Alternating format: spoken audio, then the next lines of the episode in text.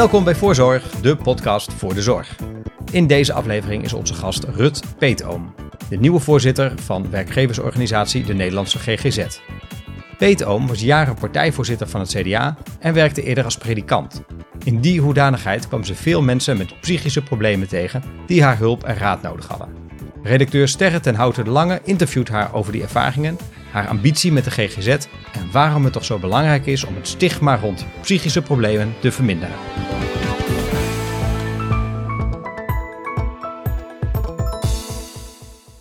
Welkom Rut. Goedemorgen Sterren. Goedemorgen. Ja, je bent nu um, anderhalve maand uh, voorzitter van de uh, Nederlandse GGZ. Ja, op het moment dat we elkaar spreken is dat zo. Ja. Ja.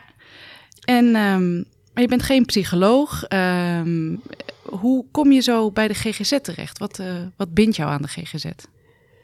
Ja, toen ik deze, uh, dit, dit voorzitterschap langs zag komen, toen dacht ik, ja, daar komt eigenlijk van alles in samen van wat ik kan en wat ik belangrijk vind. En dat heeft te maken met het feit dat ik in mijn. Uh, ik, ik, ben natuurlijk uh, actief betrokken geweest bij, bij bestuur en bij politiek. Ehm, dus ik weet de weg. En, maar ik heb in het begin van mijn loopbaan ben ik predikant geweest. Uh, in de grote stad in Groningen en in Utrecht. En ik heb daar heel veel met psychiatrie te maken gehad. Dus met mensen met echt allerlei uh, psychiatrische aandoeningen, maar ook gewoon mensen die het psychisch gewoon even moeilijk hadden. En dat, ja, dat heeft me eigenlijk wel voor altijd een, een gevoelige plek opgeleverd voor, voor mensen met een psychische aandoening. Nou, uh, toen kwam dit. En uh, nou, eigenlijk uh, in met de transitie waarin de GGZ zit en de, waarin de Nederlandse GGZ als organisatie ook wegen heeft gekozen, las ik het en dacht ik, ja, dat gaat over mij. Kun je een voorbeeld geven van hoe je dat in je predikantentijd de GGZ-problematiek tegenkwam? Ja, um, het mooie van uh, predikantschap is dat echt midden in de samenleving staat. Dus je komt echt alles tegen. Hè. Ik, uh, in mijn wijk was uh, Grachtengordel en, uh, en Volksbuurt. Um, maar ja, psychische aandoeningen zijn, maken daar natuurlijk totaal geen onderscheid in. Um, dus er waren mensen met, met, met borderline. ik heb mensen met ernstige bipolaire stoornis gehad. Ook hè, dan waren ze manisch en dan een postdepressief en, en opgenomen. ja, hè, psychoses. Um, maar ook bijvoorbeeld een meisje wat ik al vanaf kind kende. En um, toen ze 17 was, toen, uh, toen kreeg ze echt psychoses. En toen veranderde haar leven uh, helemaal. En ze veranderde zelf ook. En ik zag eigenlijk hoe van een stralend kind het iemand werd die, uh, ja, hè, dan, mensen kijken dan ook tegen je aan alsof jij je ziekte bent. En voor mij heb je een ziekte en ben je die niet.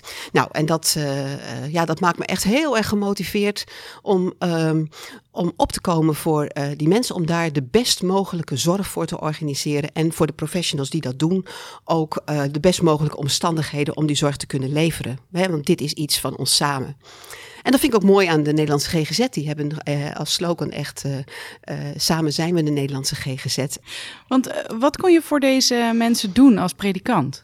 Nou, als, als predikant ben je natuurlijk iemand die. Ehm, het mooie is, en je gaat zo langs. Hè, je kunt gewoon aanbellen van hoe gaat het? want jij komt niet met een behandelplan of als onderdeel van ehm, nou ja, een, een, een, een, een, een behandeltraject. Uh, je komt gewoon omdat je mag vragen uh, uit belangstelling hoe het gaat. Uh, daarnaast word je ook gevraagd om te komen als mensen in de knel zitten. Naast al die andere duizend dingen die je ook nog doet als predikant. Hè? Maar je vraagt me nu even wat dat met, mm-hmm. met de GGZ te maken heeft. En dat, dan ben je echt degene aan wie ze dingen kunnen vertellen. En soms signaleer je ook dat er dingen niet goed gaan. Ik bedoel, ik zag ook veranderingen. Ik zag als, uh, uh, ik had iemand uh, in mijn wijk die, ja, dat zag je zo goed als ze manisch werd. Dan ging zich heel anders kleden en heel erg paradijsvogelachtig en allemaal tasjes en de make-up werd drie keer zo zwaar en ze ging plotseling allemaal dingen kopen. En dan wist ik ook dat je Um, dat je er echt alert op moest zijn. En bij een andere man uh, met, uh, met psychoses, uh, ja, hij, het was in de tijd van de Irak-crisis, dus hij commandeerde de troepen bij ons ehm, in de straat. Hè? Dus ja, dat, dat we dat maar even wisten.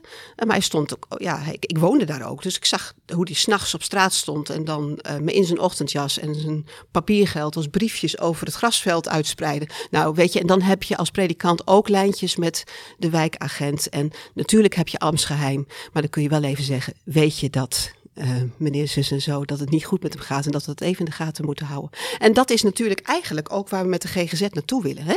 Dat je als uh, netwerk van uh, mensen die betrokken zijn bij, bij, bij iemand ook alert bent op de signalen en samen kunt zorgen dat het, nou, dat, dat, je, dat, dat, dat de goede dingen gebeuren voor deze persoon. En die ervaring, ja, die neem ik echt wel mee. Dat is, uh, dat is mooi. In Utrecht was ik predikant van de Nicolaïkerk. Die zat tegenover uh, Altrecht, hè, het Willem Arnshuis.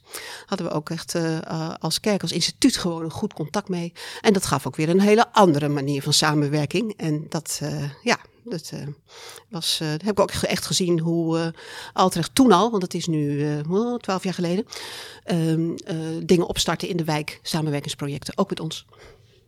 Want behalve signaleren kan ik me voorstellen dat je ook uh, als predikant iemand kan zijn waar mensen hun hart kunnen luchten. Um, uh, en misschien ook wel degene die hun um, uh, ja, het luisterend oor biedt, waardoor ze er weer bovenop komen. Heb je dat meegemaakt? Ja, kijk, weet je, zeker als het om zingevingsvragen gaat. En zingevingsvragen komen in de geestelijke gezondheidszorg echt heel veel voor. Waarom gebeurt mij dit? Uh, uh, wat heeft mijn leven voor zin? Uh, wie geeft er nog om mij? Dat soort dingen. dus daar kun je echt ja, veel over, over praten. Het mooie was, ik was vorige week eventjes bij mijn huisarts. en ze feliciteerde me met mijn, met mijn nieuwe werk. Want zo vaak zien we elkaar ook weer niet.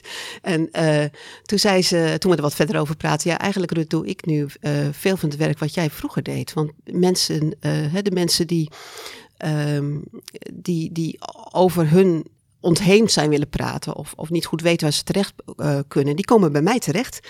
En uh, ja, dat maakt dus wel dat um, problemen die eigenlijk bij het leven horen of die maatschappelijk zijn, nu een heel duidelijk medisch uh, vertaald worden, omdat mensen eigenlijk geen ander adres weten. En dat is natuurlijk zo, daar moeten we wat mee. Want het betekent ook dat uh, mensen, dat er natuurlijk een heel groot beroep wordt gedaan op de zorg. Ook uh, dat, dat er niet iedereen terecht kan bij de zorg die die nodig heeft. Daarom moeten we echt wel heel goed kijken, zijn de problemen die mensen hebben ook echt medische problemen? Of moeten ze op een andere manier aangepakt worden? Nou, dat is natuurlijk ook onderdeel van de taak uh, die wij als Nederlandse GGZ hebben. Is het jullie onderdeel als taak van de Nederlandse GGZ om te zeggen je moet het ergens anders zoeken dan bij de GGZ? Om samenwerking aan te gaan met anderen. En als andere mensen uh, uh, an andere plekken beter zijn om iemand te helpen, dan, ja, dan, dan, moeten ze daar natuurlijk naartoe. En ook omdat ehm, uh, omstandigheden in het leven. Geen dak boven je hoofd, schulden, uh, uh, problemen met je werk, je kinderen niet meer zien. Allemaal van invloed zijn op, de, ehm, op je mentale gesteldheid. En um, dat het aanpakken van die problemen kan helpen om, om je mentale gezondheid te verbeteren. Dus daarom um, zie je ook dat er allerlei instellingen zijn die samenwerken met woningbouwcorporaties, met uh, schuldhulpverlening, natuurlijk met de gemeente. Uh, en uh, kijken wat ze kunnen doen om die omstandigheden te verbeteren. Ja, dus zeker hebben wij, wij daar ook een taak in als Nederlandse GGZ. En waar kunnen de geseculeerde mensen naartoe als, ze, ja, als ze eigenlijk behoefte hebben aan een predikant? nou ja, dat, dat, dat ga ik niet uh, uitwerken. Maar ik vind wel, uh, we zijn een samenleving waar als het goed is, wel ruimte is voor even een, een, een, praatje. Hè, laten we het gewoon even heel simpel houden. Uh, mijn supermarkt is grondig verbouwd in de zomer. En ehm, van de acht kassa's die er waren, zijn er nu nog twee over. Um, dan de andere zijn digitale kassa's geworden. Um, nou, voor mij is dat niet zo erg. Maar ik weet dat er mensen in de buurt zijn die voor wie dat praatje aan de kassa het enige is van de dag en soms van de hele week. Nou, dus het betekent wel dat je een samenleving zo moet blijven inrichten dat menselijk contact gewoon mogelijk blijft. En natuurlijk is dat iets wat ver uh, uh, onze verantwoordelijkheid uh, te boven gaat als Nederlandse GGZ. Maar ik vind wel dat we dit soort dingen moeten blijven benoemen, omdat het wel te maken heeft met hoe ga je met elkaar om en dus met de aandacht in de brede zin die je voor mentale gezondheid hebt dit is je, je vertelt nu over je ervaring met GGZ in de samenleving. Uh, en je bent net ook eigenlijk van de samenleving in de GGZ terechtgekomen zonder een hulpvraag, zeg maar. Wat is je eerste indruk van, uh, van de GGZ als, als professionele tak? Na twee maanden uh, voorzitterschap ben ik allereerst heel erg onder de indruk van de manier waarop mensen toegewijd zijn en betrokken als uh, zorgverleners bij hun vak. Dat is echt iets uh, waar we ontzettend zuinig op moeten zijn. En van de professionaliteit. Um, er zijn voor hele verschillende aandoeningen en situaties hebben wij in Nederland goede zorg georganiseerd. En uh, wat dus moet, uh, ja, wat, waar we dus voor moeten zorgen, is dat die medewerkers uh, zo gemotiveerd kunnen blijven. En dat ze zich betrokken voelen bij wat er gebeurt. Nou, en daar is wel, wel werk aan de winkel. En daarnaast zijn er ook nog andere problemen natuurlijk. Er zijn heel veel mensen die een beroep doen op de GGZ.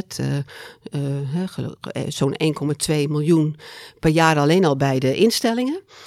Um, en dat betekent dat, dat, uh, dat het echt iets is waar we, waar we met elkaar soms ook vastlopen in dat er niet op tijd uh, de goede zorg beschikbaar is. Of dat het, uh, de kosten gewoon echt zo hoog worden dat ehm, ja, mensen in de zorg elkaars concurrent worden bijna. En dat is, dat is niet goed. Dat, met die ontwikkelingen moeten we echt collectief aan de slag. Je zegt dat je onder de indruk bent van de professionaliteit van de GGZ. Is, is, verbaast het je dat de professionals professioneel zijn? Nee, nee, nee. Maar die, uh, en natuurlijk had ik dat ook wel eerder gezien. Maar je zegt, wat is nou iets wat gewoon uh, um, een belangrijke indruk is deze, deze maanden? Dat is voor mij weer bevestigd. En ik vind dat uh, mooi. Het maakt dat ik als voorzitter daar ook voor moet knokken. En je zegt wat die betrokkenheid betreft en, en de manier waarop we de uh, professionals erbij houden, is er werk aan de winkel. Ja. Wat, wat moet er gebeuren, vind je? Nou, uh, allereerst hebben we te weinig uh, zorgprofessionals. En uh, is er ook een vrij grote uitstroom. Hè? Als mensen, mensen in de zorg gaan werken, één op de drie is binnen vijf jaar weer weg. Dat in de, in de brede zin, dat is veel. En dan moet je dus afvragen, waar komt dat door? Werkdruk wordt als hoog ervaren. daarnaast vinden mensen ook het moeilijk om om te gaan met al die regels en protocollen. Dat is in, het, in de GGZ echt een groot probleem. Ook, ook groter dan in de ziekenhuizen bijvoorbeeld. Want wij hebben vijf verschillende wetten waar we rekening mee, mee moeten houden. Allemaal verschillende financieringssystemen dus ook. En ook nog eens een keer uh, uh, allemaal wetten en regelgevers, of regelgeving die dan echt ook, ook verschilt nog uitgevoerd, ook in allerlei regio-indelingen die onderling verschillen. Je wordt er echt gek van als je je daarin uh, verdiept. En de helft van de tijd zijn mensen dan ook vaak bezig met uh, de administratie en de verantwoording. Ja, dat, dat, daarvoor ga je niet de zorg in. Dus dat betekent dat we daar aan, wat aan moeten doen. Is ook al jaren aan de gang. Maar het is een. Uh, ja, het blijft echt urgent. Zeker omdat we iedereen gewoon nodig hebben. Um, en. Nou, het betekent uh, een adequate beloning, maar het betekent ook het investeren in werkplezier in die administratie, maar ook in loopbaanperspectieven. In uh, het feit dat het ook leuk moet zijn om in een organisatie te werken. En natuurlijk heb je tijdsloten, maar die mogen mensen niet over de kling jagen. Kijk, het zijn allemaal omstandigheden die maken dat mensen lol houden in hun werk. Nou, en daar moeten we gewoon, ja, juist omdat we ze hartstikke nodig hebben en hun professionaliteit waarderen, iets aan doen. En de Nederlandse GGZ is natuurlijk de branchevereniging van de werkgevers. Uh, de ervaren werkdruk uh, en ook de regels zijn heel erg afhankelijk van hoe die werkgevers uh, leiding geven aan een, aan een organisatie. heel veel regels blijken vaak helemaal niet nodig te zijn, maar ja, in de loop der tijd ontstaan in een traditie, in een, dat soort dingen. En wat kun jij, hoe zie je het voor je? Welke rol zie je voor je om ja, in die relatie met die werkgevers? Ja, maar die werkgevers maken die regels niet allemaal zelf. Hè? Er zijn ook uh, regels die uh, vanuit de politiek gesteld worden. Uh, er zijn regels die verzekeraars vragen. Het is een heel bouwwerk van, van regels. waar we er zelf aan wat aan kunnen doen in de, in, in de instellingen moet natuurlijk gebeuren. En het mooie is, ik ben voorzitter van een, een koepel van instellingen van honderd stuks, hè, die ook allemaal verschillende ervaringen hebben van hoe je die regeldruk kunt verminderen. Uh, wat iets overbodig is en wat niet. Um, dus dat, uh, best, die best practices die moet je gewoon delen. En aan de andere kant moeten we met die partners die dus die regels stellen, hè, die, zoals verzekeraars en, en de overheid, ook, ook in de slag. Wat is minimum, minimaal noodzakelijk en wat, wat kan er gewoon af? Want zij hebben er ook niks aan als mensen inderdaad de helft van hun tijd met die, met die verantwoording bezig zijn. Die moeten gewoon zelf zorg leveren, daar zijn ze voor opgeleid. Je bent ook net voorzitter geworden na anderhalf jaar corona. Uh, hoe ziet de GGZ eruit na zo'n periode? Ja, het mooie was, ik was eh, voorzitter van de Raad van Toezicht van ARC, uh, dus de, de, het Nationale Trauma Instituut. Toen, al, al, toen corona uitbrak. En dat, dus daar heb ik ook gezien hoe snel die instelling in ieder geval overschakelde, eigenlijk van de ene op de andere dag, naar andere vormen van zorgverlenen. Dus digitaal, echt in een noodtijd. Dat gebeurde ook bij scholen en ook op alle, in allerlei kantoren. Maar ook in de GGZ kwam die digitale transitie echt in een enorme versnelling. Ook in de behandelingen. En echt natuurlijk voor crisis is dat anders. Dan blijft dat fysieke um, gewoon echt, echt noodzakelijk. Maar nou, dat, dat is denk ik iets waar van die katalysatorfunctie van corona plukken we wel de, de vrucht. Aan de andere kant heeft corona allerlei problemen die er al waren ook verscherpt. En dat zie je ook terug in het beroep op, op de GGZ. en dat is met name bij jongeren echt e-, enorm toegenomen. En dat betekent dat, ja, we hebben ook nog allerlei na-effecten, dus we zijn er nog niet met iets lichamelijks. Met corona, als je corona zelf krijgt, dan uitzicht dat meteen. Dan moet je ook uh, um, worden behandeld. Of als het ernstig is, met je uh, worden opgenomen, zelfs naar de IC. Uh, en daarna moet je bijkomen. Hè. En soms met die long-covid heeft dat, ja, dat zien we nu ook eindeloze effecten. Maar die psychische gevolgen, die komen pas, soms pas veel later. En dat zien we nu. En ook bij het zorgpersoneel komt dat dus ook later. ARK bijvoorbeeld, hè, vertelde ik net over, die rekende toen al op van, nou, wij krijgen na verloop van tijd ook zorgverleners die, voor wie die periode echt heel traumatisch is geweest, krijgen wij gewoon uh, dan uh, bij ons op de stoep. En die, daar willen we graag op voorbereid zijn. Nou, wat corona maakte ook dat mensen op dit moment echt weer heel blij zijn om elkaar te zien. Merk ik. ik ja, de cijfers lopen weer op. Hè. Op het moment dat wij elkaar spreken, is de persconferentie nog niet geweest. Dus ik, ik hoop van harte dat, dat, dat, dat, dat we niet al te veel terug hoeven. Hè? Dat het blijft bij, bij wat simpele maatregelen, maar dat we niet dat, uh, die ontmoeting weer af hoeven te schalen, want die is gewoon toch essentieel. Uh, dat hebben we wel gemerkt. En het mooie is ook, er is, na corona, er is meer aandacht voor die mentale component. Um, ja, kijk, ik ben, natuurlijk pas 1 september begonnen. Dan doe je daarna al je kennismakingsgesprekken. Uh, er was een groot zorgverzekeringscongres. Um, uh, en ik merkte daar dat de aandacht voor die mentale gezondheid groter was dan ik van tevoren had ingeschat. Dus echt zeggen, ja, het hangt samen met lichamelijke gezondheid. We moeten echt het nodige aan preventie doen. En ja, dat, dat is momentum. Die wil ik graag pakken. Dat betekent dat er een enorme taak voor de GGZ ligt, namelijk aan de ene kant preventie en alle uh, uh, zorg die er nu ontstaan is ook nog oplossen. Ja. Uh, hoe gaan jullie dat doen? Nou, gewoon we beginnen toch? Ja, dat is, het is geen vraag. Nou ja, dat gaat niet zomaar met wachtlijsten, personeelstekorten. En toch moet het gewoon gebeuren, sterren. Het is, uh, uh, natuurlijk zijn er gewoon een heleboel mensen in behandeling en uh, die trajecten gaan gewoon, gewoon door. Ehm, we steken ook. we zijn ons ontzettend zelf ook wel heel erg bewust dat je wel moet kijken aan de voorkant. Hebben alle mensen die komen ook echt onze zorg nodig? Daar vertelde ik net al iets over. En dat heeft, dan is, is uh, preventie toch een heel belangrijke titel. Preventie is iets heel algemeens. Hè? Dat is, is bijna een modewoord uh, geworden. Maar uh, de resultaten zijn echt heel erg concreet. preventie gaat over verschillende dingen. Preventie is leefstijl. Dus uh, uh, je kunt mensen er echt bewust van maken dat uh, hun manier van leven eh, misschien wel een mentale weerslag heeft. Dat natuurlijk denk je misschien het eerst aan verslaving, maar bijvoorbeeld permanent te weinig slaap pakken dat, uh, uh, dat zet je behoorlijk op achterstand uh, mentaal. Um, dat zijn echt leefstijldingen.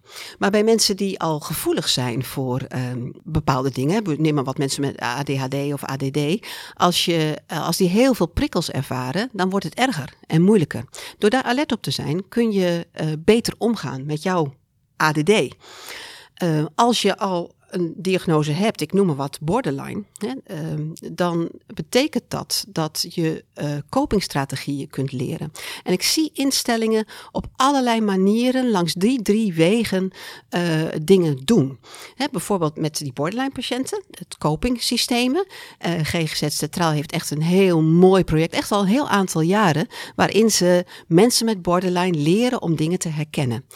Um, en oh, als ik nu dit ga doen, of me zo voel, dat betekent dat er iets aankomt. En dan kan ik mezelf bewijs ik een hele grote dienst als ik nu uh, uh, uh, bijvoorbeeld meer rust pak of hulp zoek. En in die preventie voorkom je dus A, een heleboel leed en B, ook kosten met een behandeling voor dingen die ernstig zijn als je psychologen hebt en wachtlijsten, dan zou ik de psychologen de behandelingen laten doen en de preventie um, meer laten doen door mensen die misschien een generiekere opleiding hebben gedaan. Ja, maar je moet wel weten wat die aandoening is, hè? En natuurlijk uh, zetten we dit ontzettend breed in. En uh, de, laat je de professionals ook die dingen doen die uh, passen bij hen. Um, maar nou, neem, onderschat niet wat huisartsen kunnen doen. Onderschat niet wat de, de, de, de ondersteuners in de, de POH's heet dat. Hè? Dus dit is sowieso een sector, wat, hè, wat valt je op, die ontzettend van de afkorting aan elkaar hangt. Maar goed, die, dus in de huisartsenpraktijken zijn mensen die die ondersteuning kunnen geven. Um, dus het, het hoeft echt niet zo te zijn dat die, dat die psychologen en die psychiaters alles voor hun rekening nemen. Een van de dingen die ook heel belangrijk zijn, zijn ervaringsdeskundigen. dat zijn dus mensen die zelf aandoeningen hebben of hebben gehad. En die een opleiding doen, het is een HBO-opleiding, en die ingezet worden in uh, de GGZ uh, om die vanuit die ervaring en met wat ze weten um, uh, mensen bij te staan. Ook als ze al op de wachtlijst staan. En dat kan helpen uh, om, um, om die wachtlijsten ook uh, soms te verkorten. Want het, bij sommige mensen is het zo dat dan die specialistische hulp uh, niet of veel minder nodig is. maar het kan ook helpen om die wachttijd gewoon door te komen. Omdat er al iemand is met wie jij kunt sparren. Nog liever zou je de wachtlijsten helemaal inkorten. Zie je daar goede ontwikkelingen in? Nou, ik zie dat, dat er dat het alle hens aan dek is, maar ook dat alle hens al aan dek is om die wachtlijsten inderdaad uh, terug te dringen. Uh, dat betekent uh, dat je heel goed moet kijken naar die wachtlijsten zelf. Hè? Want juist omdat er wachtlijsten zijn, zijn er mensen die zich voor allerlei verschillende trajecten tegelijk aanmelden. Nou, hè, kijk goed naar, geeft die wachtlijst inderdaad de noodweer die er is. het tweede is, kijk hoe je ehm, het, het, het, zo kunt organiseren dat mensen op die, die, die op die wachtlijst staan, misschien al tijdens dat ze erop staan, al hulp krijgen. Misschien met die ervaringsdeskundigen, maar ook omdat er wat, al, al wat aan een huisvesting bijvoorbeeld gebeurt. in deze hele moeilijke tijd. Want huis, uh, het huizenprobleem is echt gigantisch. Maar uh, uh, laat onverlet dat er voor deze mensen wel wat moet gebeuren. Het uh, derde is dat je de, de, zorg ehm, ehm, nou, hè, maximaal moet inzetten. Dat wil zeggen dat de mensen die zorg kunnen leveren, dat daar ook aan toekomen. Dat heeft iets met die administratie en die verantwoordingslast nou, te maken. ook met de preventie als ze daar helemaal druk mee zijn. Nee, nou, ik, ik, ik, heb, ik, heb, ik heb net uitgelegd dat dus die preventie, dat je goed moet weten um, wat, wat er is er met deze meneer of mevrouw aan de hand. En dat je dan ook kunt zeggen van, uh, dan voorkomen we het goede. Hè, dat, uh, en dat vergt wel expertise. Maar de psychiaters en psychologen die doen ook in de behandelingen echt, echt topwerk. En overleggen aan tafels, ja, regiotafels heten dat, hoe ze, als zij nog geen plek hebben op een, in hun instelling, of het misschien al iemand eerder bij een andere instelling terecht kan. En er zijn echt, uh, dat begint nu van, echt van de grond te komen. En uh, ja, bijvoorbeeld in uh, Brabant zie ik echt mooie voorbeelden ja, in de samenwerking tussen de Brabantse instellingen. Hoe mensen die op een wachtlijst staan sneller kunnen worden geholpen bij een ander. Dus hoe die tafels dan dus ook vruchten afwerpen. Maar ik denk wel, Sterren, hè, met alles wat we doen en alles wat we moeten blijven doen, is het ook eerlijk om te zeggen, de wachtlijsten zullen nooit helemaal oplossen. Ik zou het heel graag willen, maar sneeuw voor de zon is een illusie. Uh, je zult zo meteen ook de Nederlandse GGZ vertegenwoordigen in Den Haag. Uh, je bent partijvoorzitter geweest van het CDA. Wat, wat is de boodschap die jij aan het kabinet en dus ook jouw partij wil geven? Nou, voor de goede orde, ik ben een, de voorzitter van de GGZ, die, van de Nederlandse GGZ, die alle partijen benadert. Dus dat, uh, dit, dit is iets wat echt volstrekt boven de partijen staat. En um, waar ik dus bij alle Kamerleden langs ga. En uh, bij, de minister, uh, bij de minister en bij de staatssecretaris. Om voor onze zaak te pleiten. Maar ook om hun gewoon goed inzicht te geven in wat er nu allemaal aan de hand is. En daar liggen natuurlijk prachtige dingen voor. Hè. We hebben daar, we sturen brieven, hebben een hele mooie kennisbundel gemaakt. wat is het meest urgent op dit moment? Dat hebben we allemaal aangereikt, uh, ook uh, aan de formateur. En uh, ja, dat is natuurlijk het werk van, van deze weken, van begrotingsbehandelingen en van de lopende formatie, om de dingen op de agenda te krijgen. En dat is, is zowel in de brede zin als specifieke dingen. Hè, om maar eens wat te noemen, meer aandacht voor die mentale gezondheid en dus ook voor die preventie is belangrijk. Wij willen dus uh, heel graag een, uh, bijvoorbeeld een vierde tafel in het preventieakkoord die specifiek gaat over die mentale gezondheid. Uh, en we willen ook heel graag een brede interdepartementale aanpak. Um, dat, dat, dat, daar pleiten we dus deze weken echt voor. Maar daarnaast ook hele concrete maatregelen. om meer geld voor salarissen beschikbaar te stellen. Dat is die 675 miljoen gekomen voor de uh, middensalarissen. Maar ja, het betekent wel dat de situatie waarin de instellingen zitten verder heel weinig vet op de botten is om mensen een adequate beloning te geven. Dus, en dat, die loopt al achter bij andere sectoren uh, in de publieke sector. Dus ja, dat, uh, dat is een, een insteek.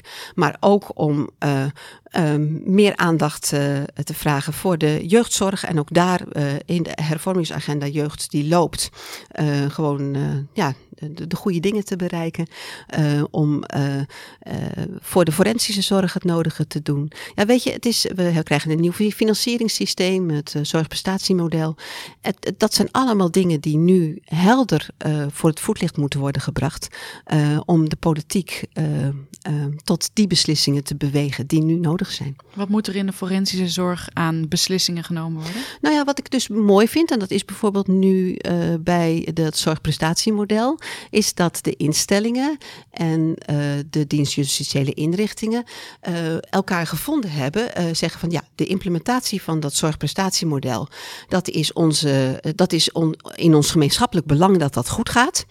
Uh, het heeft een, een, mooie insteek van inderdaad het verminderen van die administratieve last en echt het kunnen leveren van betere zorg. Nou, als we dat allebei vinden, dan betekent ook dat we die in de implementatie daarvan uh, um, een beetje met elkaar meebewegen. Dus bijvoorbeeld afgesproken dat als blijkt dat de financiële effecten van die invoering, dat, dat die nou, tussen de marge van 0,75 plus en 0,75 min procent mag bewegen. En als het meer of minder is, dat de ander dan het voordeel krijgt. Dus hè, als het besparingen oplevert, dan geeft de, geven de instellingen dat terug. Als het meer kost, dan uh, neemt uh, justitie dat voor zijn rekening. Kijk, die coöperatie, die samenwerking, dat vertrouwen dat je er samen voor gaat, hè, dat is in het belang van de, van de GGZ en ook van, uh, van de overheid. Nou, en die samenwerking is dus echt voor mij een voorbeeld voor hoe het zou kunnen en moeten. Want wat verwacht je dat het uh, zorgprestatiemodel voor effect gaat hebben vanaf volgend jaar?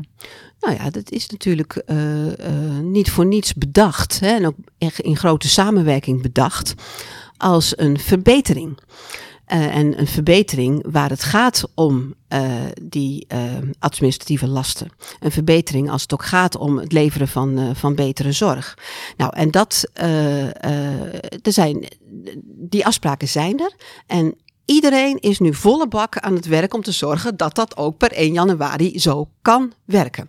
En natuurlijk blijft de ICT altijd, een, uh, nou wat zullen we zeggen, in ieder geval een aandachtspunt. Hè? Want het is, uh, en zijn er allerlei pilots nu, die, uh, waarvan de uitkomst nou, soms aanleiding geeft om te zeggen: dit gaat nog niet helemaal goed, hè, dit moeten we bijstellen. Um, en uh, nou, wat wij dus hopen, we vertrouwen erop dat we er goed uitkomen. En uh, we hopen ook dat daar inderdaad, dat we over een, meer, een beetje zullen meebewegen om kinderziektes die er in zo'n systeem altijd zitten, om dat ook kinderziektes te laten zijn waarvoor je de tijd en de ruimte krijgt om ze op te lossen. Je zegt het zorgprestatiemodel heeft als doel om de kwaliteit te verbeteren. Op welke manier? Nou ja, dat is, is natuurlijk het zorgtyperingsmodel. Dat is datgene wat nog uh, loopt in de ontwikkeling. Dat zal ook per 1 januari niet helemaal kunnen worden ingevoerd. Uh, maar uh, het, het, is de hoop dat dat anders dan de DBC's, diagnose-behandelcombinaties, dat dat toch een betere manier gaat bieden om over en weer afspraken te maken. Er zijn nu natuurlijk allemaal contracteringsafspraken of onderhandelingen en afspraken gaande. Uh, hè, die, uh, die moeten al dealen met, uh, met het nieuwe stelsel. Ja, dat is op het moment natuurlijk een grote uitdaging. Dus ik, ik, ik, ik, ik zie de resultaten er allemaal nog niet van. Het is nu in volle gang. En het is dus spannend hoe dat zal gaan. Dat, ja. Dat is eigenlijk geen antwoord op de vraag hoe het uh, gaat verbeteren. Nee, je vraagt wat wil je bereiken. En nee, de vraag was hoe gaat het zorgprestatiemodel de kwaliteit van de zorg verbeteren? Omdat je via dat zorgtyperingsmodel gewoon beter inzicht krijgt in uh, uh, wat er gevraagd wordt, wat je af kan rekenen ook. Hè? Dus, uh, en of dat inderdaad dan ook voldoende financiële armslag biedt voor de, voor de instellingen om, die, om de gevraagde zorg ook te kunnen leveren. Dat was onder het oude systeem echt wel een probleem. Um, nou, er zijn pilots die aangeven dat het uh, met die, uh, dat effect, hè, dus dat het een, een, een, een gezonder, een adequater beeld zou geven van wat het kost. En, en je dus beter zou kunnen, uh, bijvoorbeeld de, de afweging tussen basiszorg en gespecialiseerde zorg zou, zou kunnen maken. Um, en dat, nou, die, die pilots die gaven, nou, wat zullen we zeggen, wat hybride beeld. En dat, uh, uh, dus dat je er met. En, en dat is dan iets waar je bij, op bij moet stellen. Want de bedoeling was dat het beter zou gaan. En als dat de pilots dus laten zien dat dat nog niet zo is, dan betekent dat dat je aan knoppen moet gaan draaien. Nou, dat gebeurt op dit moment. Betekent Zitten dat er middenin. Ja, begrijp ik. Maar betekent dat we in 2000, uh, uh, wat is het, uh, 23 weer een ander prestatie eh, betaalmodel we, we gaan systemen, we gaan geen systemen meer veranderen. We gaan zorgen, gewoon zorgen dat dit systeem werkt. En dat vraagt inderdaad uh, uh, elkaar goed op de hoogte houden als verzekeraars en instellingen en ehm, ehm, de NZA enzovoort. Van eh, wat, wat je allemaal ziet gebeuren. En uh, dan ook inderdaad, ja, zo, zo gaat dat als je iets nieuws begint. soms dingen bijstelt. En soms bij andere dingen zegt, ja, dit werkt gewoon niet. En soms een, uh, een uh, andere manier bedenkt waarop het dan wel werkt. Nou, ik, kijk, dat, dat is nu het spannende. Hè? En de, journalisten als jij en, en, en, en, politiek en verzekeraars willen altijd heel graag een beeld van zo is het. Maar juist als iets in ontwikkeling is, als iets gemaakt wordt, dan heb je daar het, gewoon het, het, ja, toch het spannende moment dat je het, nog, dat je het ziet, gebouwd ziet worden, maar nog niet weet het zal zijn. Nou, een van de ideeën van het zorgprestatiemodel is bijvoorbeeld dat je door um, uh, je tijd anders op te schrijven of goed op te schrijven, dat uh, er uh, de administratieve lasten voor zorgverleners echt naar beneden gaan. En dat je dus veel meer tijd hebt om aan de behandelingen te besteden. Nou, dat is wat iedereen wil. Ja, precies. Um, heb je jezelf een aantal doelen gesteld voor wat je in de, in de voorzitterschap wil gaan doen? Uh, de Nederlandse GGZ heeft natuurlijk vijf ambities geformuleerd. Maar van één, um, nou wat zullen we zeggen, ik noem het maar een paraplu-ambitie, namelijk de best mogelijke geestelijke gezondheidszorg voor iedereen die dat nodig heeft, op tijd en op maat. En uh, dat, dat, daar valt al echt een heleboel onder. Um, uh, en daarnaast is, uh, zijn er vier andere doelen, waaronder uh, dat niemand meer radeloos en eenzaam sterft door zelfmoord, dat ehm, kindermishandeling vroegtijdig moet worden gesignaleerd en natuurlijk moet, moet worden voorkomen en dat de wachtlijsten moeten worden teruggedrongen. maar voor mij is ook een heel belangrijk, belangrijke ambitie is het terugdringen van stigma.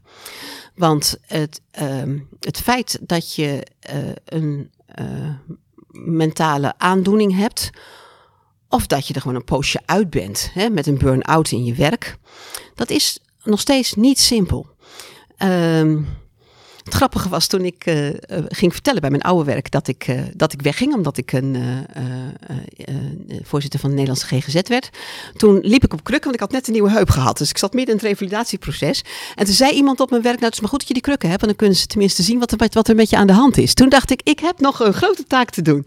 Want het is zo dat een, het feit dat mensen iets overkomt in mentale zin, betekent niet dat ze, A, dat ze dat hun hele leven hebben. Maar B, als je dat wel je hele leven hebt, betekent nog niet hè, eerder, zoals ik al zei, dat je samenvalt met je ziekte. Maar dat daar ook gewoon soms met, uh, met aanpassingen, uh, dat je prima, uh, prima je werk kunt doen. Kijk, als je diabetes hebt, dan moet je ook spuiten om de zoveel tijd. En dan moet je even de gelegenheid voor hebben. Um, dat, en dat zegt niks over de manier waarop je je werk doet. En zo geldt dat ook voor mentale aandoeningen, dat je soms even je medicijnen moet slikken of soms even je moet terugtrekken, even rustig uh, om, uh, om uh, niet te veel prikkels te hebben. Nou, dat, dat heet ook mentale diversiteit. Hè? We hebben echt een, een, we, mensen, wij mensen zitten verschillend in elkaar. Hou daar rekening mee. En voor sommige dingen zijn, men, is een mentale aandoening bijna een zegen. Hè? ASML, is onze, een van onze meest succesvolle bedrijven. Die heeft een heleboel mensen met, uh, uit het autistisch spectrum uh, in dienst. Omdat die heel goed bezig kunnen zijn met één ding. En helemaal niet zo zitten te wachten op, het, op al te veel contact. En dat is, maakt hen voor die bedrijfstak gewoon misschien wel meer geschikt dan mensen die we. Ehm, nou, die niet met een aandoening zijn behept. Die behoefte hebben aan heel veel sociaal contact. Ja, ja. Nou ja, kijk, corona heeft natuurlijk wel geleerd dat dat sociale contact voor ons functioneren als mensen in de brede zin gewoon ontzettend nodig is. En dat het goed is om elkaar te zien. Zoals wij bijvoorbeeld nu dit gesprek doen, terwijl we elkaar aan kunnen kijken in plaats van via een schermpje. Dat, uh, ja, dat, uh, daar zijn, we zijn er toch niet opgebouwd uiteindelijk. Wat hoop je, hm, hoe ziet de GGZ eruit aan het einde van je voorzitterschap? Ik hoop dat we dan uh, sowieso veel meer aandacht zullen hebben voor die mentale gezondheid. Um, en het mooie is, daaruit breng ik uit mijn uh, vorige levens echt een netwerk mee. Uh, waarbij ik um, met die woningbouwverenigingen, met uh, de schuldhulpverlening, met gemeenten gewoon echt heel goed contact heb. En dat, dat dus ook onder de aandacht kan brengen. En uh, dat, uh, en ja, net, hè, dat stigma is dus ook voor mij ook belangrijk. Op het moment dat 30% van ons ziekteverzuim, in ieder geval 30% toe te schrijven is aan een uh, psychische aandoening, dan betekent dat dat we gewoon met elkaar wat moeten doen. En dat dus werkgevers daarvoor in beweging moeten komen. Dat hun mooie plan van de brede welvaart, dat dat ook een andere insteek ten opzichte van de mentale gezondheid vereist. Um, en daarnaast zijn natuurlijk een, uh, hoop ik ook dat voor. Uh, dus dat het daarmee makkelijker wordt voor mensen met een mentale aandoening in de samenleving, maar ook voor zorgverleners. Dat we daarvoor echt langs alle wegen voorwaarden kunnen scheppen waarop zij plezier hebben in hun werk en waarop ze gewoon hun werk goed kunnen doen. Dat we, uh, en dat we voor de komende generatie ook uh, een, uh, ja, een gezondheidszorg met elkaar maken die voor hen ook betaalbaar blijft. En dat betekent dat wij, als we aan de voorkant veel meer aandacht besteden aan signalen op het gebied van de mentale gezondheid en werken aan die mentaliteitsverandering, dan hoop ik echt dat we daarin een grote stap kunnen zetten. Nou, we schrijven mee. Um, aan het eind van je voorzittersperiode hebben we een inclusievere samenleving waarin er begrip en plek is voor mensen die uh, ja, mentale problemen hebben. Um, en dus hopelijk ook uh, minder de hulp hoeft te zoeken bij de in de medische hoek. Dat zou ik, uh, dat zou ik heel mooi vinden. Maar dat betekent wel um, uh, praktisch heel veel uh, afspraken, bijvoorbeeld ook financieringsmodellen die dat mogelijk maken. Uh, goede um, afspraken voor salaris en werkomstandigheden van, van, van mensen in de zorg. Dus hè, het is misschien een mooie, brede ambitie, maar het vergt in de praktijk heel veel hard werken, onderhandelen, aandacht vragen en de boer op. Nou, Rut, dankjewel. Ik wens je heel veel succes met het voorzitterschap en we spreken elkaar waarschijnlijk binnenkort weer. Heel leuk, Sterren. Ik zie je. Dank. Tot zover deze aflevering. De montage was in handen van Ties Timmers, de muziek is verzorgd door Bram Brouwers. Wilt u meer nieuws en achtergronden over de zorg? Luister dan eens naar onze andere afleveringen of kijk op skipper.nl, zorgvisie.nl of crux.com. Voor nu, hartelijk dank voor het luisteren en heel graag tot de volgende voorzorg.